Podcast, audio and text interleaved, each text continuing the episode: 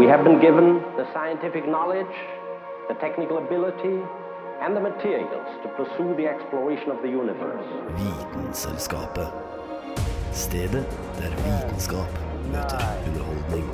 Six, five, four, three, two, one. It's one small step for man. One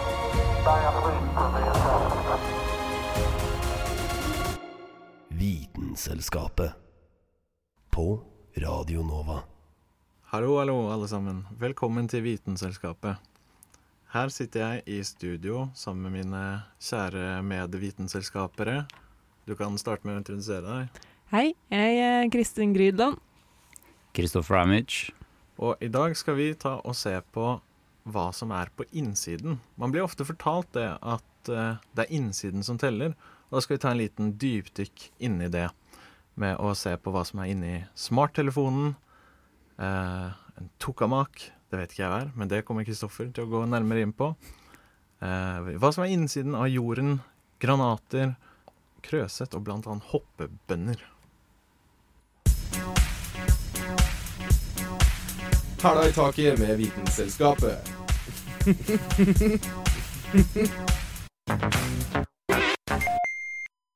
Med mindre du virkelig har gått inn for det. Kommer, bruker du garantert en smarttelefon hver eneste dag. Den kompliserte saken er enkel å bruke, men er sammensatt av masse kompliserte deler. Lurer du noen gang på hva som er inni der?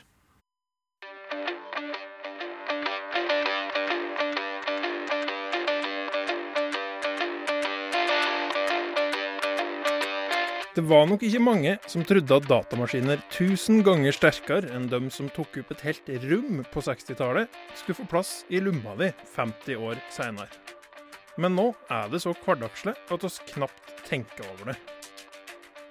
Siden smarttelefoner er ei lita datamaskin, må en ha de grunnleggende delene for en data. Da trenger en en sentral prosesseringsenhet, CPU, som styrer og samordner alle komponentene. En trenger òg en grafikkprosesseringsenhet, GPU, for å oversette maskinspråk til bilder. Prosessorer trengs òg, både for display og video, for å nevne noe. Alt det her blir pressa inn i en SOC, System on a Chip. Med alt det her i ei brikke er det mye plass å spare. Alle SOC-brikker er basert på den samme arkitekturen fra ARM, som en gjerne kan høre om i smarttelefonsammenheng.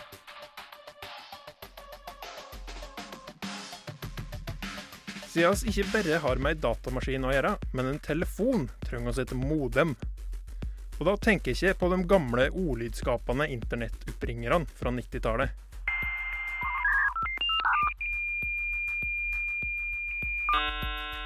Modemet gjør at du kan sende og motta anrop og meldinger, men minst like viktig er sending og mottak av mobildata. Modemene i smarttelefoner er LTE, Long Term Evolution, en forkortelse du kanskje har hørt. Denne evolusjonen har medført 3G, så 4G og nå femte generasjons modem. Med generasjonene har datahastigheten økt enormt, som teleoperatører er så glad i å reklamere for.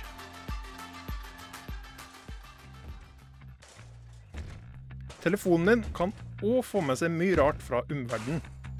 Viktigst er jo skjermen, som har et elektrisk felt du bryter med fingeren din.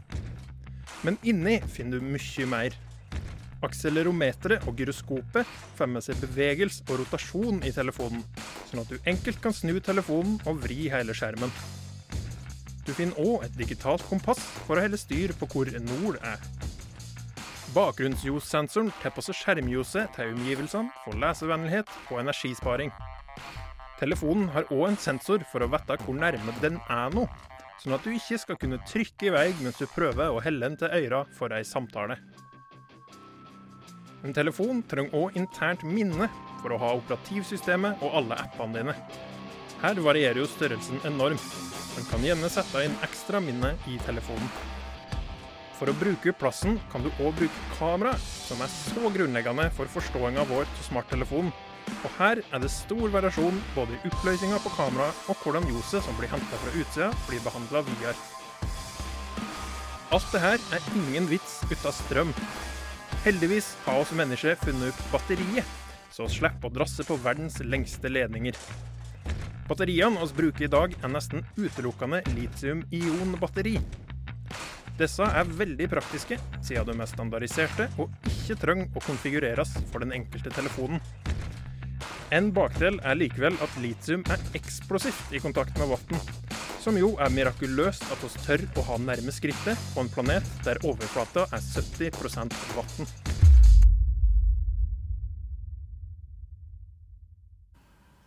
Han som har vært inne i telefonen din og snoka, heter Carl Adam Skvam.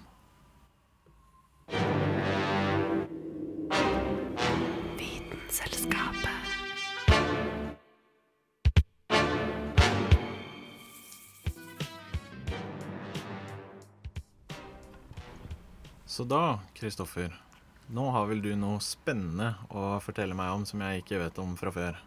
Ja, tydeligvis. Eh, nei, altså jeg tenkte å snakke litt om hva som er på innsiden av eh, tokamak i reaktorer. Eh, og først og fremst så kan jeg jo begynne med å forklare til deg og til alle andre som hører på, som ikke er klar over hva tokamak er for noe, eh, bortsett fra en reaktor, da.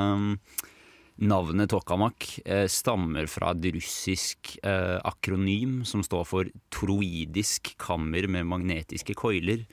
Eh, Jeg kan og- ikke skjønne hvorfor de forkorta det, for det der ruller jo bare. ja, ikke sant. Veldig, veldig, veldig. Eh, nei, altså, så For å forklare også litt sånn Toroidisk betyr basically smultringformet, men smultringformet høres litt lite vitenskapelig ut, så toroidisk er eh, bedre, eh, I guess. Eh, men ja, nei, så Tokamak-reaktoren er jo den kanskje mest brukte eh, formen for reaktor eh, for fusjon. Eh, og eh, det er jo en gedigen tokamak-reaktor som bygges nå i Frankrike. eh, I en installasjon som heter ITER. eh, som da er en sånn joint venture mellom en rekke nasjoner. Blant annet Norge har vel investert penger i, i dette prosjektet. Eh, men som sagt, innsiden, da.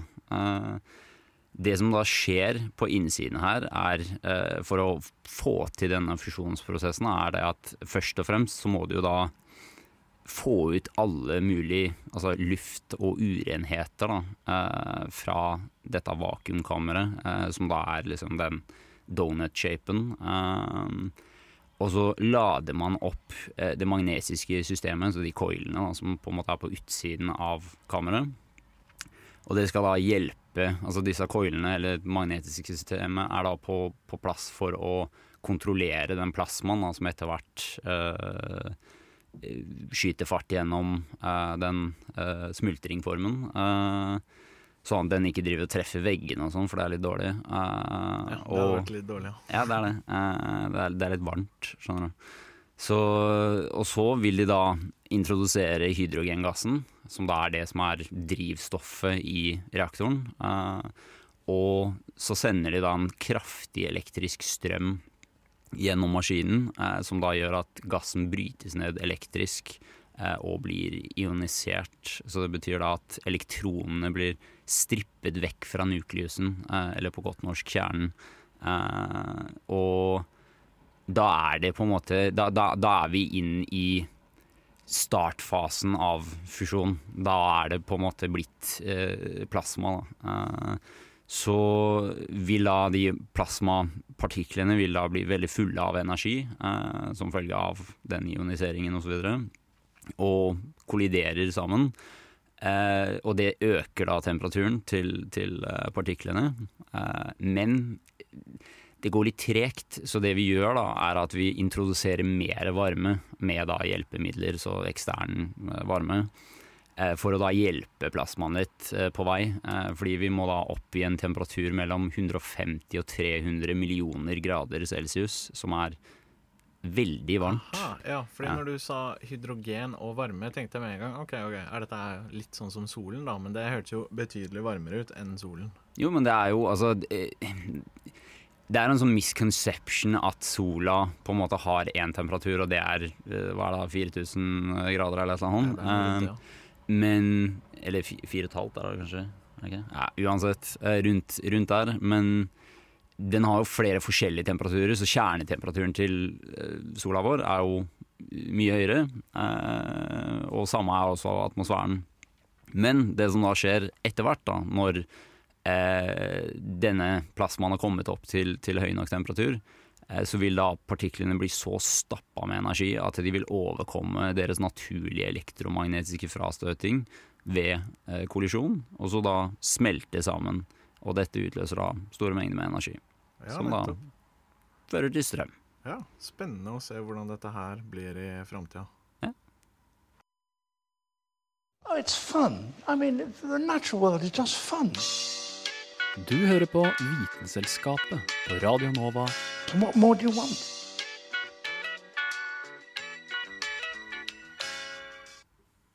Du har kanskje som liten prøvd å grave deg helt til andre siden av jorda, bare for å se om det gikk an. Du kom deg neppe forbi de tolv kilometerne som foreløpig er rekorden for de dypeste menneskelagde hullene i eh, jordskorpen. Men til og med dette er bare en liten skramme i forhold til hvor diger denne planeten er. Så hvis vi ikke kan grave oss ned til midten, hvordan vet vi egentlig hva som befinner seg der?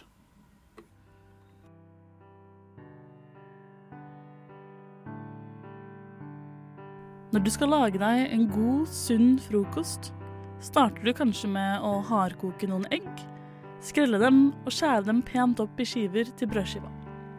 Studerer du skivene, gult på hvitt, legger du neppe merke til at de er en god sammenligning med selveste jorda vi bor på.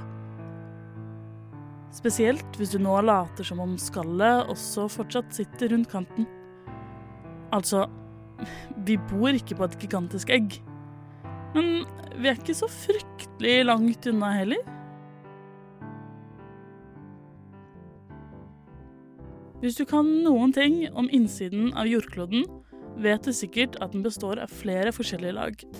Eller sfærer, som vi liker å kalle dem. Først og fremst er jordskorpen det laget vi kjenner best til fra våre egne erfaringer. Ja, for det er jo her vi bor.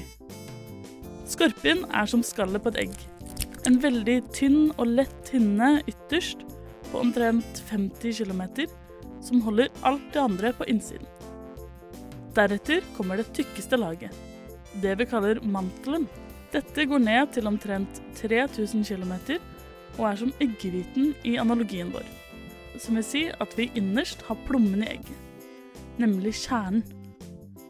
I motsetning til den faktiske plommen i et egg, er kjernen i jorda delt opp i to lag. Den indre harde kjernen og den ytre flytende kjernen. Begge består av store mengder metaller, spesielt jern, som gir kloden vår de kule superkreftene kjent som platetektonikk og magnetfelt. Noe som beskytter oss fra alle døde av hudkreft etter to sekunder ute i sola. Når vi åpner opp et egg, kokt eller ikke, er det ganske lett å se hva som befinner seg på innsiden. Men vi kan ikke bare åpne opp jorda vår som om det var et lite egg. Så hvordan vet vi egentlig om alle disse lagene? Utenom å se litt på lava, som så klart flyter dypt fra under overflaten, er jordskjelv faktisk vår beste venn når det kommer til å forstå oss på jordas indre. Selv om de kan være ekstremt destruktive om man er uheldig nok, kan de også være ekstremt nyttige. Jordskjelv sender nemlig ut lydbølger, og på samme måte som en flaggermus bruker ekkolokasjon til å kartlegge omgivelsene sine, kan vi ta i bruk jordskjelvbølgene til å kartlegge jordas eggeplomme. Jordskjelv sender ut to typer bølger, det vi kaller for primary og secondary bølger, eller for enkelhetens skyld P- og S-bølger. Kort fortalt får P-bølgene jorda til å bevege seg opp og ned, mens S-bølgene rister jorda sidelengs. På samme måte som du sikkert har merket at lysbølger reflekteres og brytes i møte med vann, gjør jordskjelvbølgene det samme i møte med de forskjellige mineralene vi finner i jorda. Rett og slett fordi de har forskjellige tykkelser. Bølgefarten øker ettersom materialene nedover i jorda blir tykkere. men S-bølgene blir helt absorbert i møte med flytende materiale, sånn som ved den ytre kjernen. P-bølgene stopper ikke helt opp, men blir kraftig bremset av flytende materiale. Kombinasjonen av målinger av disse bølgene flere steder på jorden gjør at vi kan måle hva farten var ved forskjellige dyp, og til syvende og sist få et eggelignende bilde av denne fantastiske planeten vi lever på.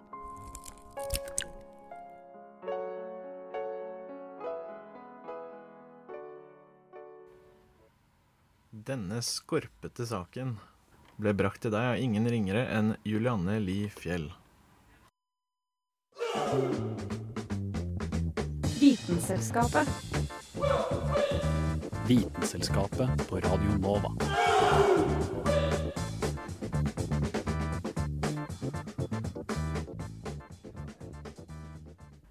Velkommen tilbake til oss.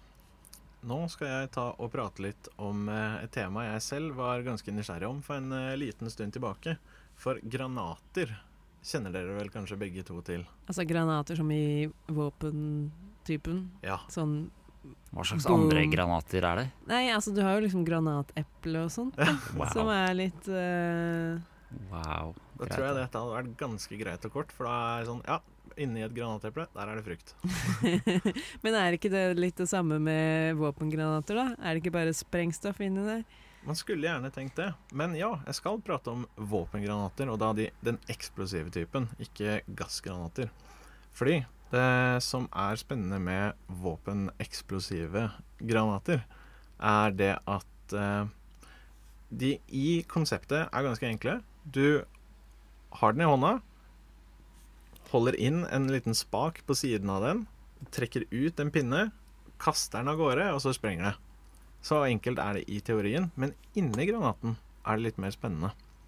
Fordi inni den eh, granaten, i hvert fall den mer moderne typen, så er det en kjemisk reaksjon som skjer idet du drar ut den pinnen og løsner på spaken du har holdt inne. Er det her noe som kommer til å få oss eh, få, eh, få PST til å stenge ned programmet? Eller er det her uh, Ja. jeg var bekymra for det uh, når jeg begynte å søke opp sånn derre uh, What's inside grenade? Uh, how to make grenade? Da tenker jeg sånn Å, oh, nå kommer de etter meg. Men uh, foreløpig har jeg ikke hatt noen bank på døra. Du har bare havna på en liste. Mest sannsynlig. Nei, så det jeg fant ut av, da, er det at eh, den kjemiske reaksjonen som skjer inni granaten, er det at um, eh, det er en sånn eh, Hva heter det? Sånn fuse eh, lun- Lunte? Ja, kjemisk lunte, rett og slett. Som sakte, men sikkert eh, smelter seg ned mot bunnen av granaten, og på bunnen der er selve sprengstoffet. Og du har ca. fire sekunder på deg fra den er, har forlatt hånden din, til den sprenger. Og det er ganske presist valgt ut, fordi på de fire sekundene Si da at den flyr i ett og et halvt, kanskje to sekunder i lufta fra du kaster den. Og når den lander da, si ved siden av en soldat eller en klynge med, med folk, så kommer ikke de til å kunne rekke å eh, kaste den tilbake. Eh, på film så gjør de jo det hele tiden. Ja, på film gjør de ofte det. Men se for deg da, ikke sant, når du er i den situasjonen, du ser å, å, den her har landa ved siden av deg. Hva gjør du? Hopp, dukk, eller eh, hiv den tilbake. Da, da er det bare å springe vekk med en gang. For den eh, har en skaderadius på ca. 15 meter. Og de prosjektilene som fyker av gårde av den Fordi man har jo gjerne sett det at granater de har litt sånn der skallform til seg, sånn risset inn på sidene i sånne Mm. firkanter. Og det er rett og slett sånne punkter hvor det skal være lettest mulig for det metallet å egentlig løsne fra hverandre for å lage Og bli til biter. Ja, ja. Jeg har alltid tenkt at det er for å ha bedre grep. Mm. For det siste du vil gjøre, er jo eh, Du er litt nervøs, og du har eh, dratt ut splinten, og så fomler du og mister den liksom rett eh, Selvfølgelig er det ikke det. Selvfølgelig er det et våpen som er altså Det er jo designa for å gjøre mest mulig skade. bare. Selvfølgelig, men eh, det er jo veldig dumt å også ha en granat som er veldig glatt, da. Ja. Sånn at Det du sant. mister den. Det er sant. Ville jo vært svært uheldig hvis du har fire sekunder på deg, du glipper den, og fordi den sklir ut av hånda di. Det ville jo. Men det meste av militærgreier er jo laga med en intensjon. Og det her, de, de små eh, firkantene som fyker av gårde som prosjektiler, kan gå så langt som 200 meter. Men selve skaderadiusen er på ca. 15. Så ja jeg... Føler du må løpe ganske raskt på fire sekunder, da? Jeg tror, nok, jeg tror nok det beste er å bare Altså Det jeg har hørt, er sleng deg ned på bakken og gjør deg så flat som mulig. Fordi da er du mest mulig safe, liksom. Og med føttene mot granaten. For da er du safest mulig. Ja, absolutt. Og det siste du burde gjøre, er å hoppe i et basseng hvor det er en granat. For da eh, Mm. Så de sjokkbølgene går enda lettere i vann, og da er du Skal jeg si ferdig. Ja. Jeg føler det her ble veldig sånn survival eh, guide, men eh, Ja. hvem vet, det er kanskje jo vi trenger det. dagsaktuelt, da. Ja, det er det. Plutselig kommer russerne med noen granater. Det blir fort eh, praktisk å kunne. Du vet aldri. Men det var eh, en kort introduksjon til granater. Å vite vet Vitenselskapet.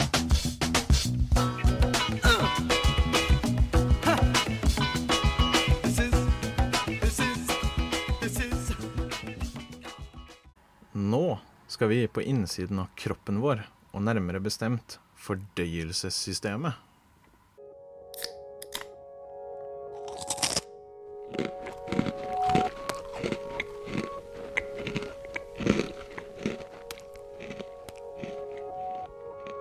Fra maten er på tallerkenen din til den ender opp i doskålen, så skal den gjennom en ganske heftig rute inn i kroppen. Den blir knust og most til en puré, både fysisk og kjemisk. Den blir angrepet av syre i magesekken, og blir delt opp i fett, karbohydrater og aminosyrer i tarmen.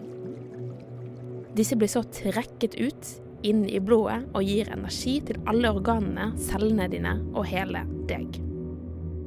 Vann blir trukket ut i tykktarmen til en kompakt klump, og så presser du den ut dagen derpå. Fordøyelsessystemet består av mange organer, hormoner og andre signaler som opererer sammen for at du skal få den energien du trenger. Når man tenker på disse organene som er med her, så begynner man kanskje med spiserøret, magesekken, tynntarmen og tykktarmen, og til slutt endetarmen. Men det er faktisk et ekstra organ som ikke har fått så mye oppmerksomhet.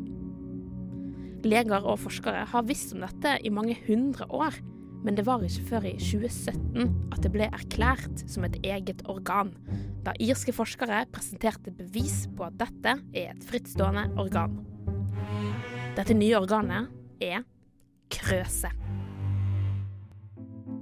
Krøset er et organ som binder alle fordøyelsesorganene til ett system. Her finner man også blodårer som forsyner tarmene med oksygen, og de som også frakter næringsstoffene ut fra tarmen og til leveren. Krøset er også med på å holde alle organene på plass, og også for å redusere friksjonen når tarmene flytter på seg under fordøyelsen. Selve organet er veldig fettholdig, så det ser veldig gult og slimete ut. Før krøset ble selvstendig, så trodde man at dette bare var en fold som holdt deler av tarmen på plass i buken. Man trodde også at det var delt opp i flere deler. Bare noen flapper her og der, på en måte. Man kunne også lese i anatomibøker at faktisk ikke alle mennesker hadde krøs, men dette var jo noe helt annet i praksis. For hver gang leger og kirurger utførte operasjoner på tarmen, så de at alle pasientene hadde tarmkrøs, og at den ofte var sammenhengende gjennom hele fordøyelsessystemet. Nye metoder innenfor mikroskopering og bildeteknikk viste også at krøset var en hel struktur, og ikke fragmentert. Så hver gang du spiser, og maten transporteres gjennom fordøyelsessystemet ditt, kan du trekke krøset for at det sitter på plass, og at ting ikke buler ut. Denne innvendte saken ble laget av Anna Vik Rødseth.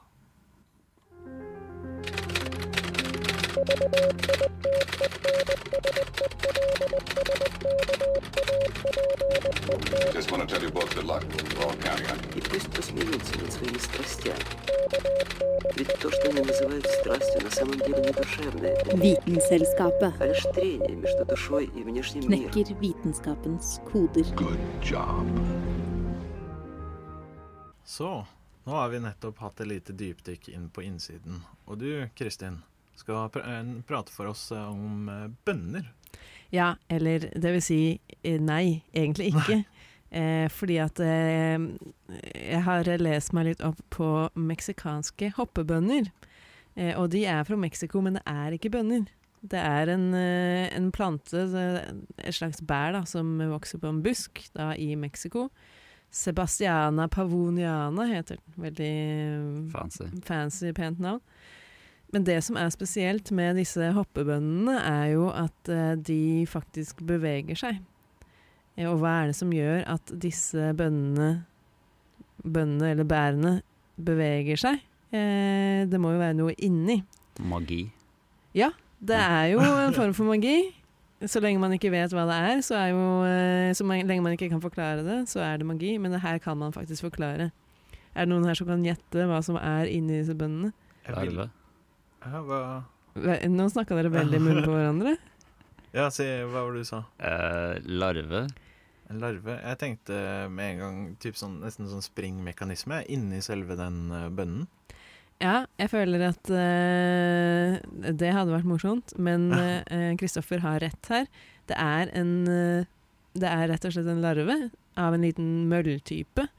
Så på våren, når denne busken får eh, blomster og da bær, så legger mammamøllen egg på disse bærene. Og så, når larvene da klekker, så kryper de inn i bærene.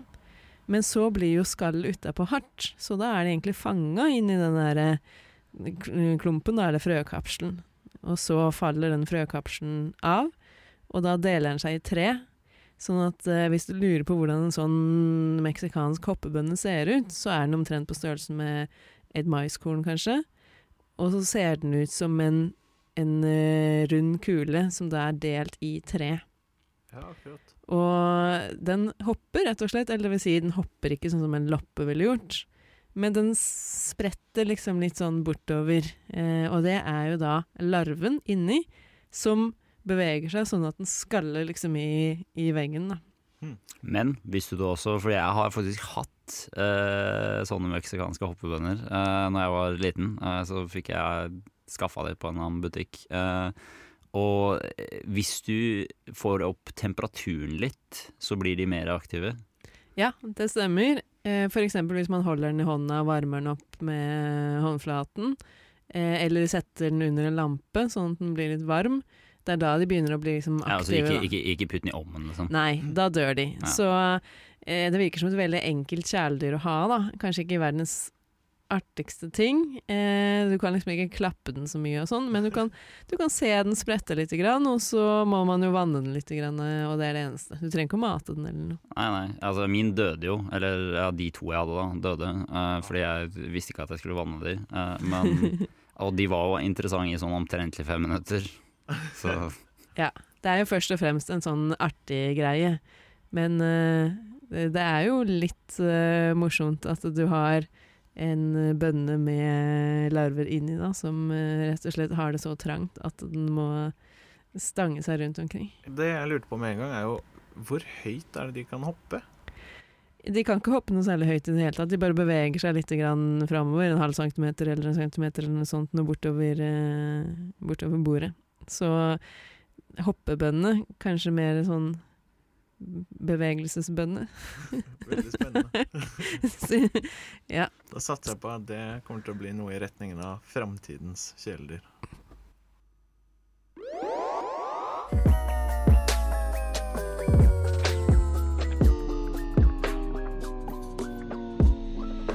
Vitenselskapet.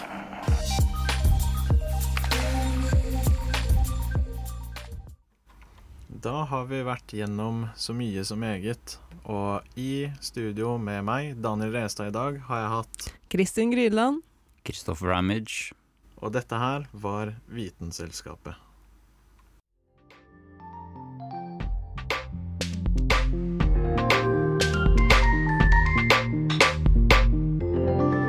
Du har hørt på en Radio Nova-podkast.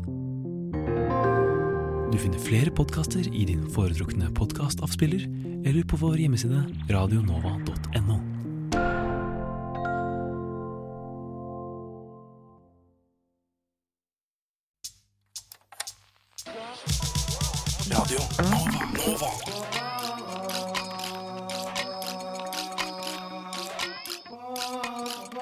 Siden 1982 har Radio Nova gitt deg favorittmusikken din før du visste at du likte den.